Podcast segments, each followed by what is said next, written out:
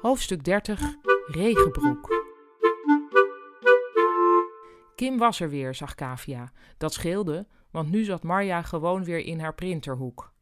Dat weerhield haar er niet van om, toen ze zag dat Kavia doorweekt was, te roepen: Zal ik even een dweil onder je leggen, of een theedoek of zoiets, of een handdoek?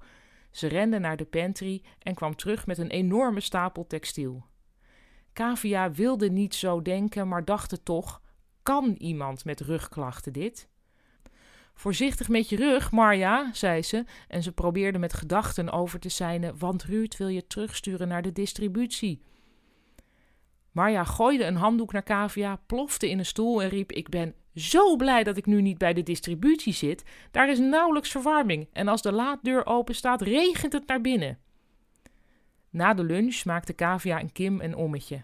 Omdat ze nu onder elkaar waren, besloot Kavia Kim in vertrouwen te nemen. Ruud wil dat ik Marja bespied en rapporteer als ze dingen doet die je niet kunt als je rugklachten hebt. Hé, zei Kim geërgerd. Ik bedoel, Marja is ook niet helemaal mijn type, maar om naar achter haar rug om, achter haar pijnlijke rug om, verbeterde Kavia haar. Kim schoot in de lach. Ze waren bijna weer bij kantoor.